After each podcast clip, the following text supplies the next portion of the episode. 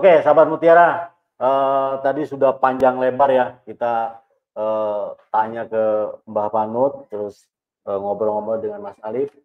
Nanti silahkan uh, sahabat Mutiara, apabila yang ingin bertanya ke Mbah Panut masalah pestisida atau Mas Alif tentang durian ya, kalau nanya jangan ke saya. Saya ini gudangnya bertanya, bukan menjawab. Jagonya makan durian Mas Alif ini.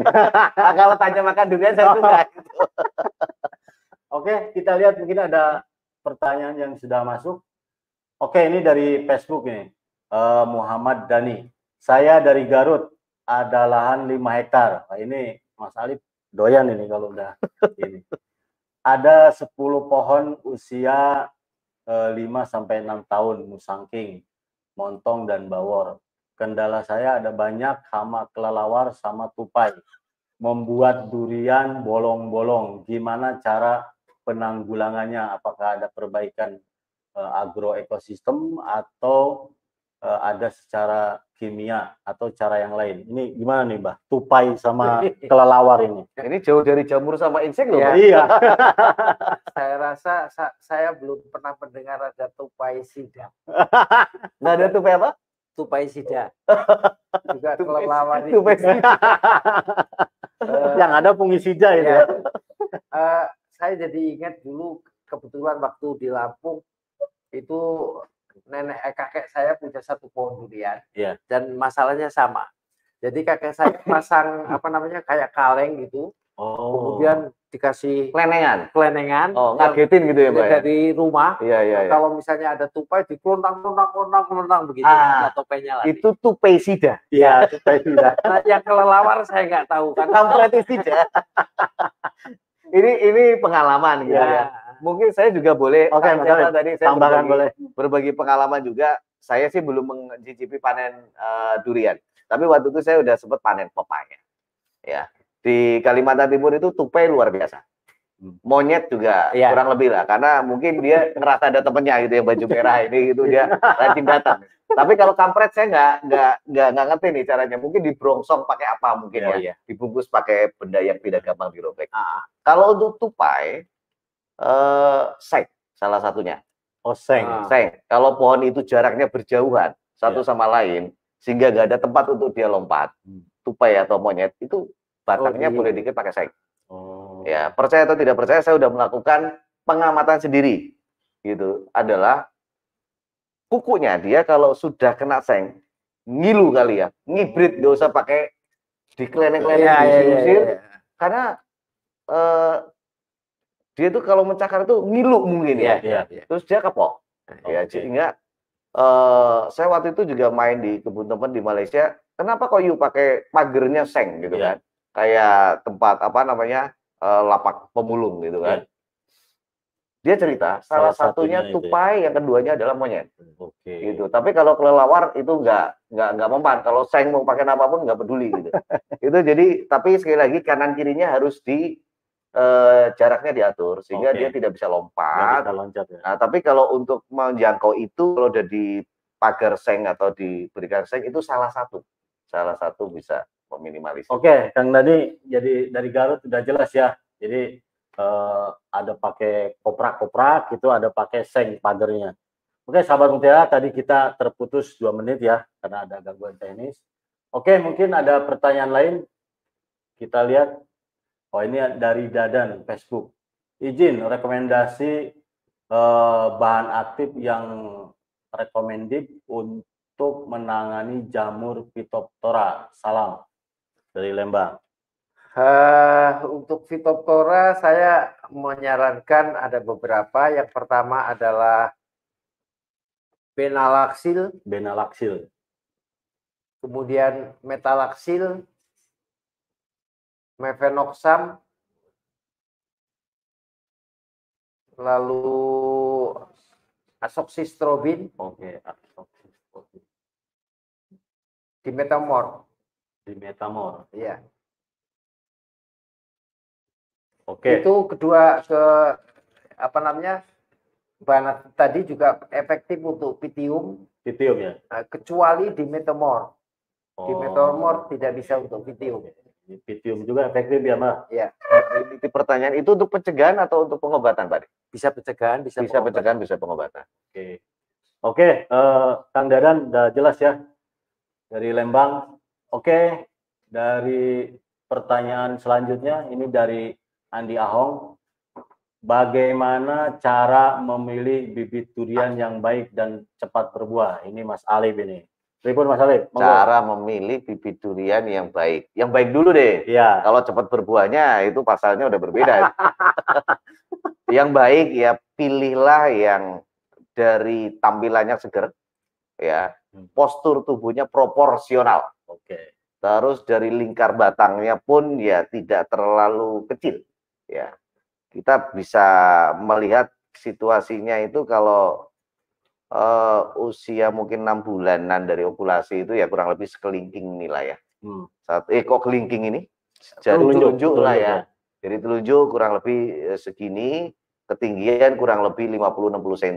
Oke. eh, dia punya bentuk proporsional. Proporsional itu ya normal. Iya. Percabangannya Ya, ya. perjabangannya Seimbang. normal, bentuknya normal Oke. gitu. Nah, tapi kalau untuk cepat berbuah itu lebih kepada nutrisi dan juga kondisi alam. Iya. Jadi bibit berpengaruh betul. Ya kalau saya pilih yang genja. Kan ada jenis-jenis durian yang genja dan tidak genja. Oke.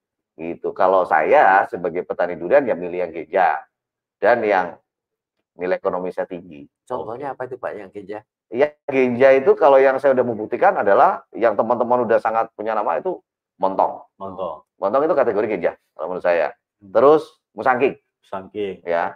Dan musangking ini saya menemukan di Kalimantan, di Sumatera, di mana di mana itu kategorinya dia genja.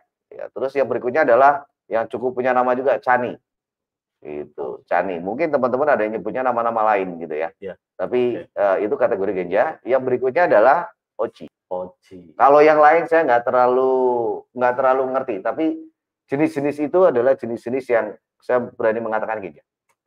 Oke, eh, Pak Aong ya udah jelas ya. Jadi selain tadi percabangannya bagus juga ya diusahakan kalau ingin cepat berbuah ya tanam eh, Varietas yang genja. ya. varietas yang genja ya. Oke, eh, mungkin ada pertanyaan lain kita lihat. Ini dari Ihsan Tarore, ini dari Facebook. Untuk mengatasi hasil panen durian pada curah hujan yang tinggi, bagaimana Pak agar rasa durian tidak hambar atau anyep? Gimana nih, Mas Arif? Itu Trik. nutrisi itu. Untuk untuk trik-trik di musim hujan ini. Gini gini. Eh durian itu mau masuk fase pembungaan kan dia kalau ketemu jeda ya. Ya, Ketemu jeda Betul. ada berhenti dulu dari musim hujan. oke. ya. Eh, namun setelah bunga, setelah pembungaan, setelah itu hujan terus, nah ini kembali lagi bekal nutrisinya nih yang harus dijawab Pak Hermain ini. Kalau saya sih lebih yakin adalah bekal nutrisi, Oke. gitu. Karena saya mengamati di kebun-kebun tempat saya keluyuran, gitu ya. Ada kebun yang tetap hasilnya pun bagus dengan kondisi curah hujan tinggi. Begitu saya ngobrol-ngobrol ya memang bekal sebelum masuk fase pembuahan Oke. dia udah bekali gitu jadi saat dia di eh, fase pembuahan walaupun ekstrim cuacanya bekalnya sudah ada gitu sembari tentunya terus diberikan nutrisi yang sesuai nah kalau Oke. menurut saya apa tanya Pak Erma ya Oke, saya akan tambahan saya tambahkan sedikit ya. Memang durian ini tanaman tahunan. Kalau kita, wah supaya buahnya manis baru dipupuk sekarang, wah itu kerepotan Mas oh, Salib ya. iya Pak Jadi kita harus memang eh, anggap tanah ini adalah banknya nutrisi ya. Kita isi dulu, jangan nanti tanaman memerlukan baru kita isi ini repot ya.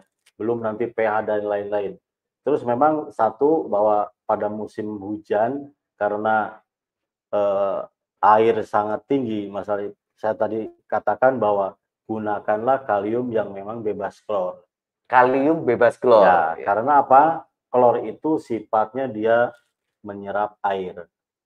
Jadi kandungan air terlalu tinggi nanti di buah, nah itu yang akan mempengaruhi rasa. mempengaruhi terdegradasinya cita rasa. saya, saya suka bahasanya Pak Dewi tadi.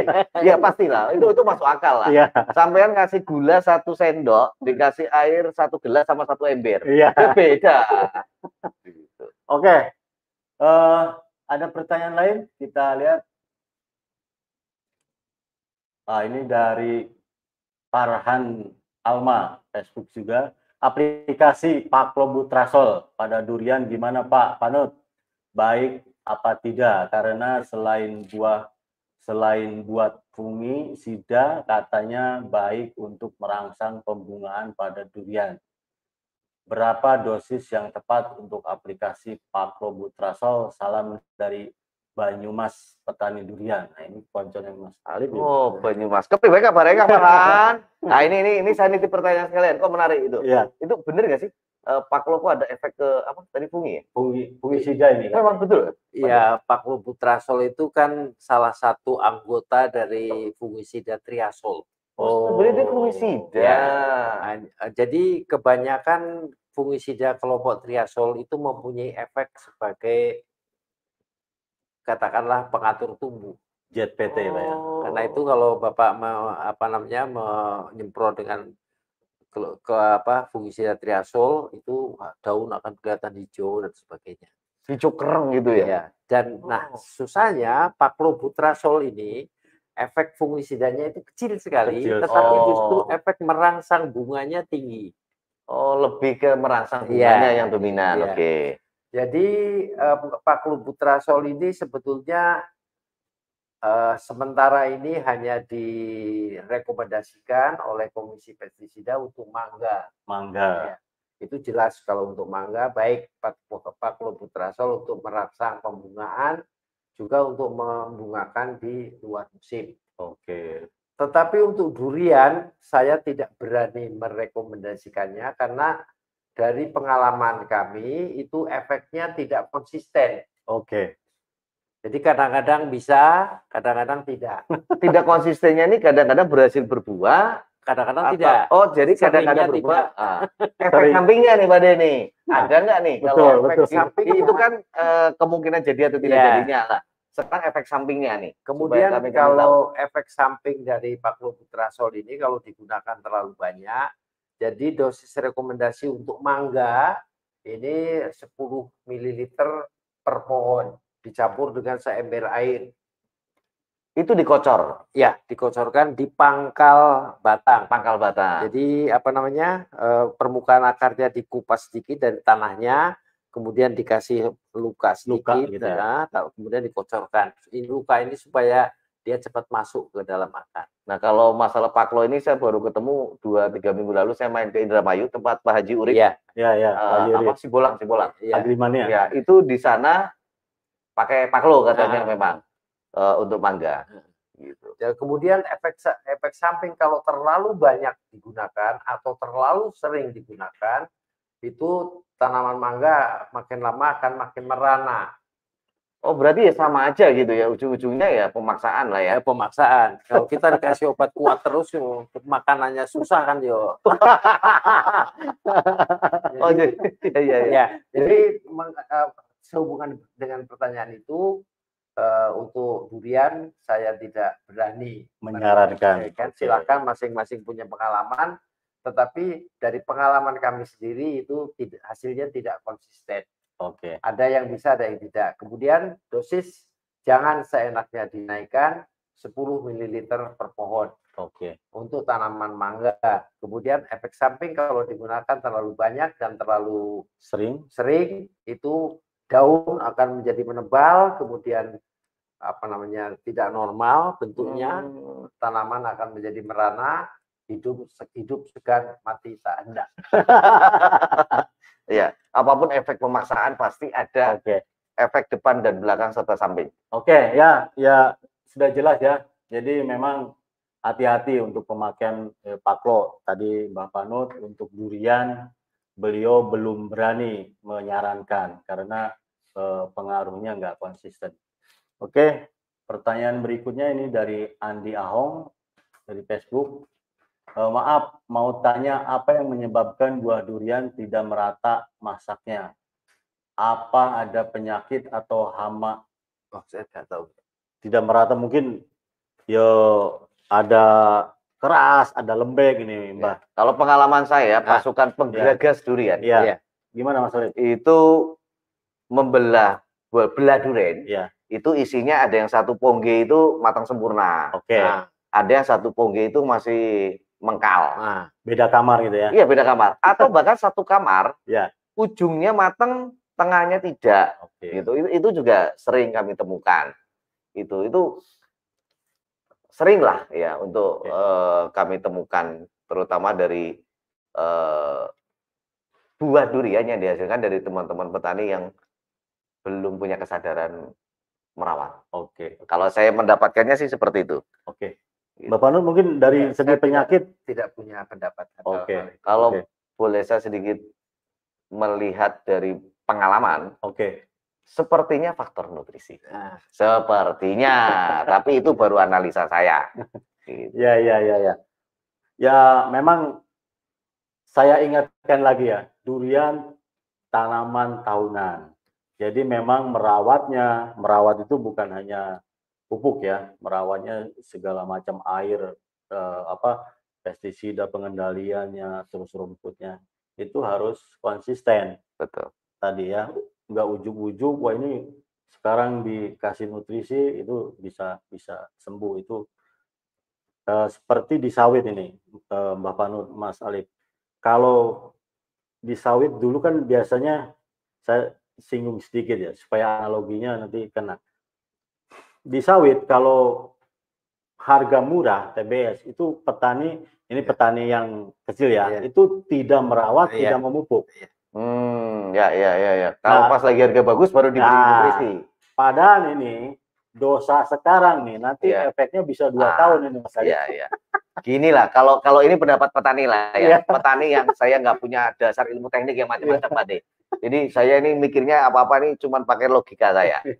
Kita sama-sama makhluk hidup. Iya. ya. Kalau kita setiap hari butuh makanan dan minuman untuk mensupport pertumbuhan kita yang mungkin anak-anak yang masih eh, fase pertumbuhan. Pertumbuhan. Kayak kita-kita yang sudah melewati fase pertumbuhan tapi belum tua lah.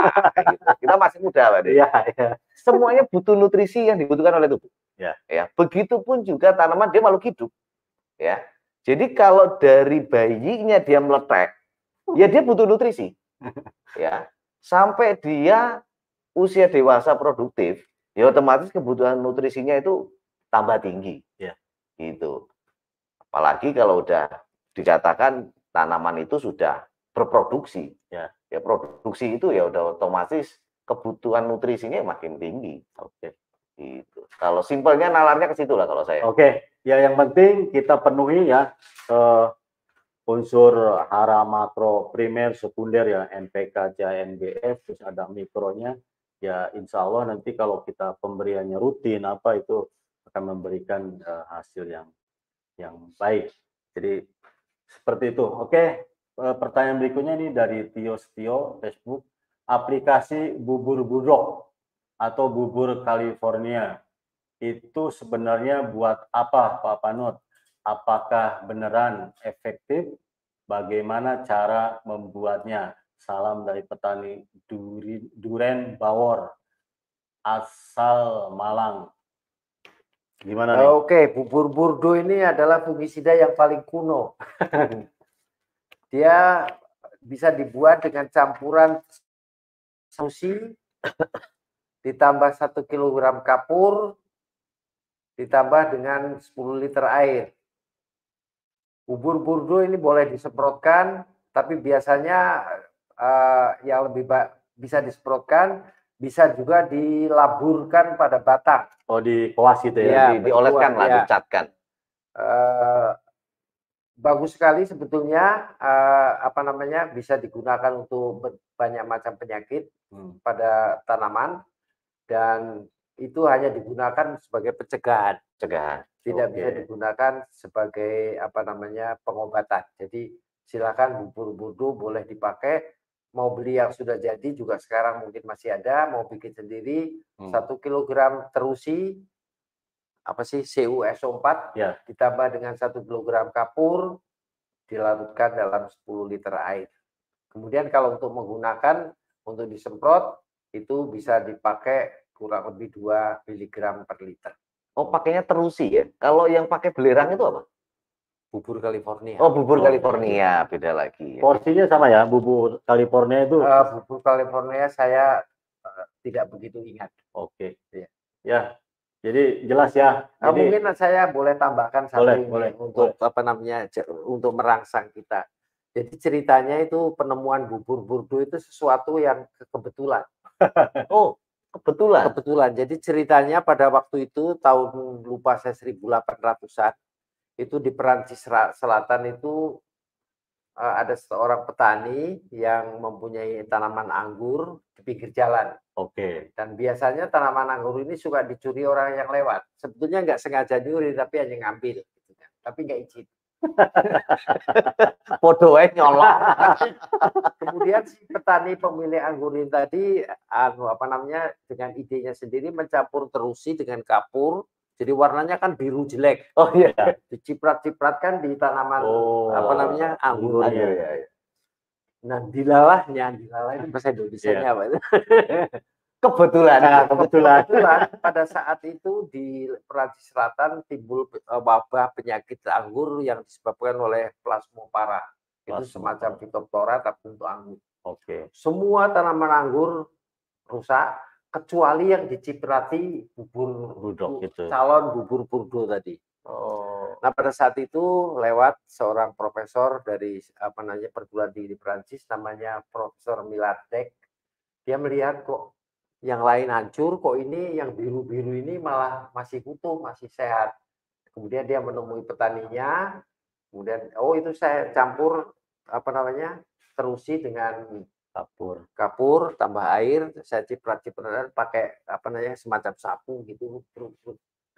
Nah kemudian oleh Milardet karena dia profesor dilakukan riset perbandingan yang terbaik antara kapur, terusi dan air. Ketemunya satu kilogram.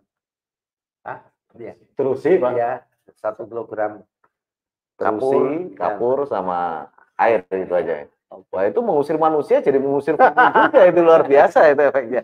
Jadi Oke. intinya apa yang saya ceritakan, kadang-kadang dari fenomena yang kita hadapi setiap hari timbul sesuatu yang akan sangat berharga. Iya iya. Dan iya. bubur burdo sudah sekian hampir 100 tahun atau lebih dipakai dan masih efektif. Masih efektif ya. Oke. Menarik sekali Oke, ilmunya. sudah jelas ya. Mungkin ada pertanyaan yang lain kita lihat. Oh ya. Eh, belum ada pertanyaan.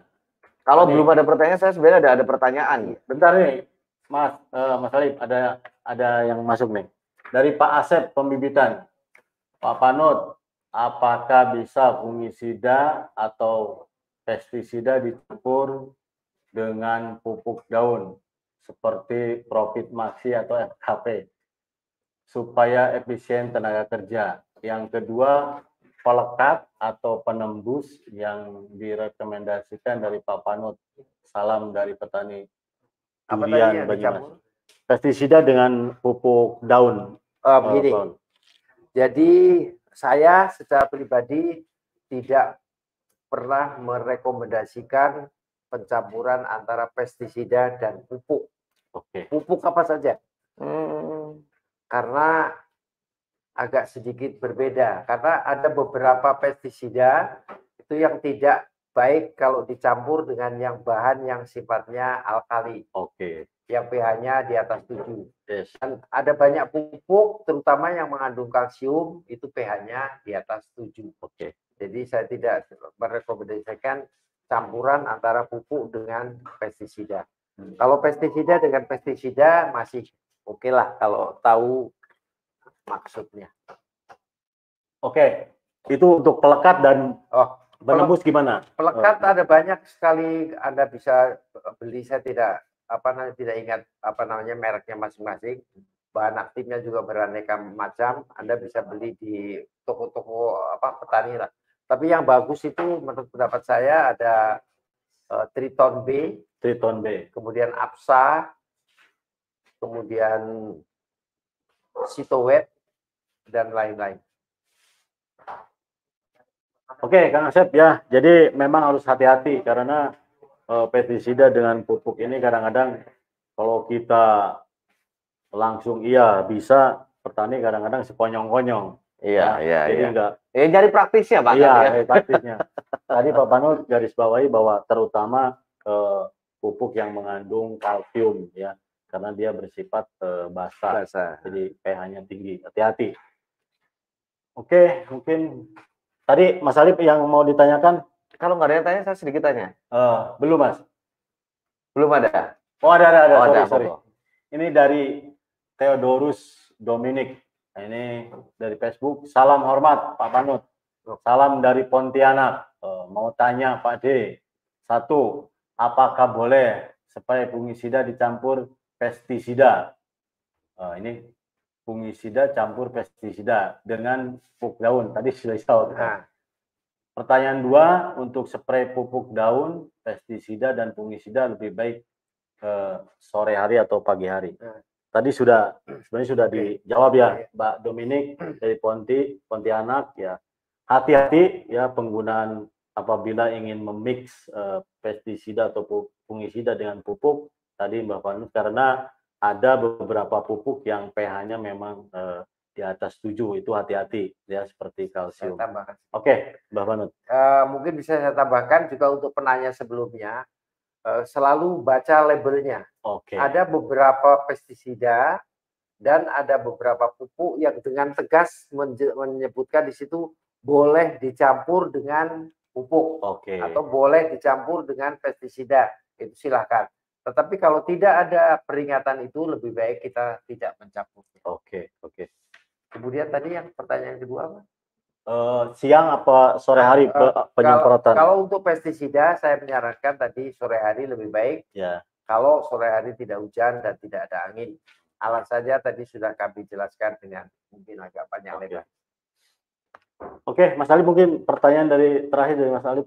Satu pertanyaan ini buat Pak Panut ini. Teman-teman di Kaltim juga banyak yang pengen bertanya ini dan juga teman-teman di Pulau Jawa mengenai rayap. Nah. Oh, yes. Rayap ini bener nggak sih? Rayap ini ada enzim yang dihasilkan dia bisa merusak tanaman yang masih hidup. Terus juga apakah rayap ini benar mau menyerang tanaman yang masih hidup? Karena sepengetahuan kami rayap ini kan menyerang tanaman yang sudah mati. Nah, terus dengan pekebun yang tidak semuanya mampu membersihkan lahannya sebelum tanam dan kelilingnya bersih dicabutin semua bekas-bekas pohon yang ada, itu kan masih banyak tunggul-tunggul tanaman yang ada itu pasti menjadi sarang rayap. Nah, banyak teman-teman yang menggunakan saya sebut aja furadan. Nah, ini efeknya bagaimana? Apakah memang rayap ini eh, bisa merusak tanaman yang masih hidup juga? Itu Pak Panut. Eh, saya terus terang saja tidak memahami biologi rayap. Daripada saya bicara ngawur, lebih baik saya mengatakan saya tidak tahu. Ya. Oh Kemudian, beda ya itu bukan bukan insek ya? iya itu insek. Oh, insek, ya. Eh, tapi terus terang saja saya tidak mempelajari di me- eh, biologi rayap. Oh, Jadi baik, saya- kemudian apakah dia mengeluarkan enzim yang merugikan tanaman juga saya tidak tahu. Baik. Nah, kemudian mengenai furadan tadi untuk pengendalian rayap itu boleh silakan digunakan biasanya dengan dikocor. Dikocor. Iya, baik. jadi dicampur dengan air kemudian disiramkan di sarang rayap. diserang rayapnya. Betul.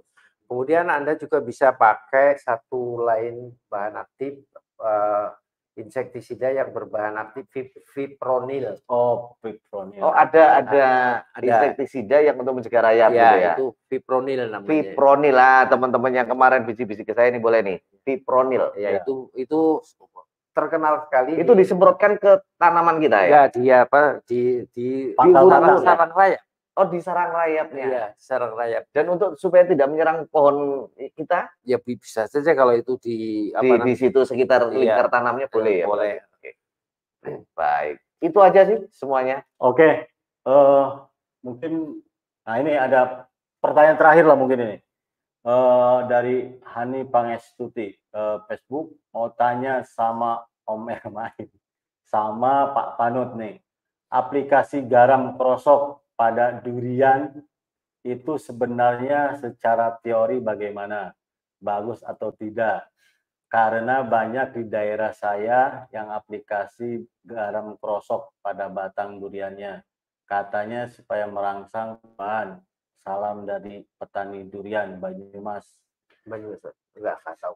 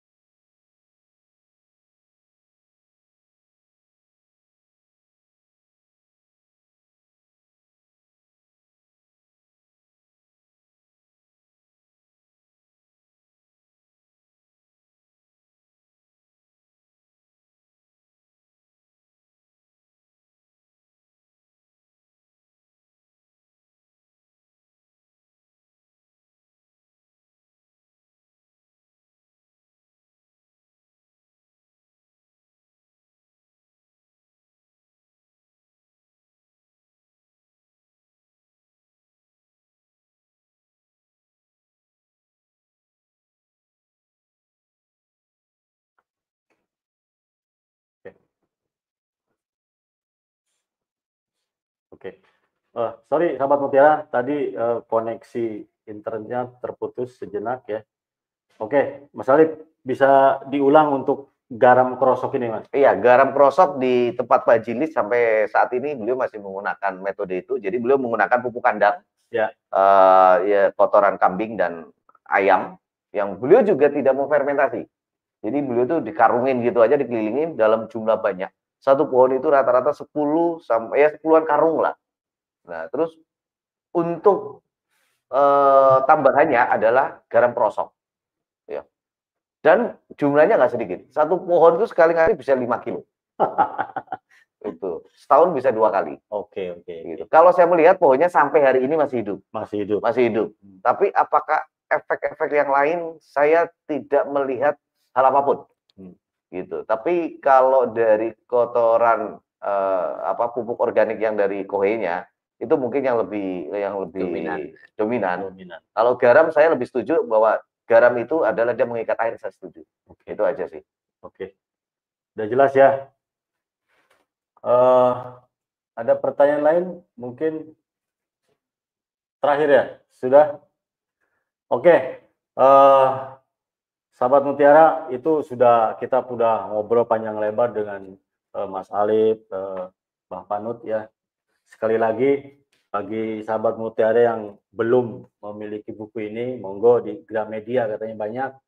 Terus bagi sahabat Mutiara yang senang durian ya, ini kita lagi di uh, DT Store ini ya. Iya, di, kita di DT Store. ini. Monggo.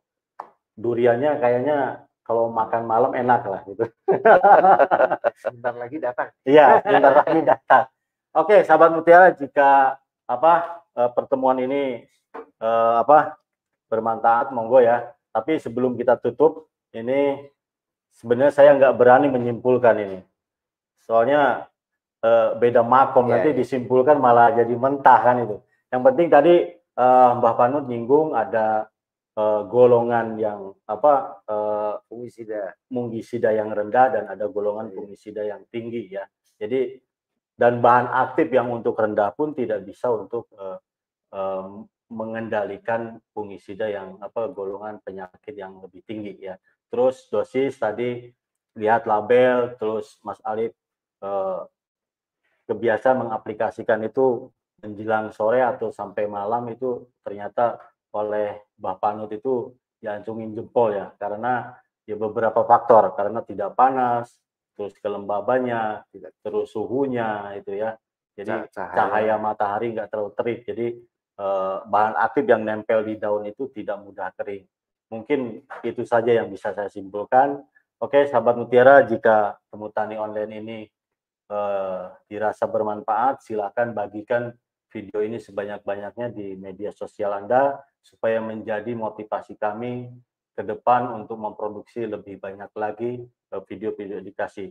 Sebelumnya saya ucapkan terima kasih Mas Ali, Pak Panut. Ya. Sama-sama. Ya. Oke, ikuti terus kami di media sosial follow uh, Merauke Tetap Jaya di Instagram, like Facebook Merauke Tetap Jaya.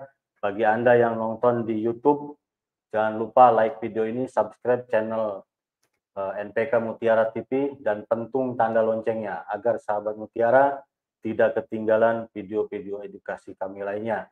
Stay healthy, jaga jarak, sampai jumpa dan tunggu terus episode uh, Temu Tani Online berikutnya. Assalamualaikum warahmatullahi wabarakatuh. Waalaikumsalam warahmatullahi wabarakatuh. Mas, mas, mas, mas, bisa minta tolong di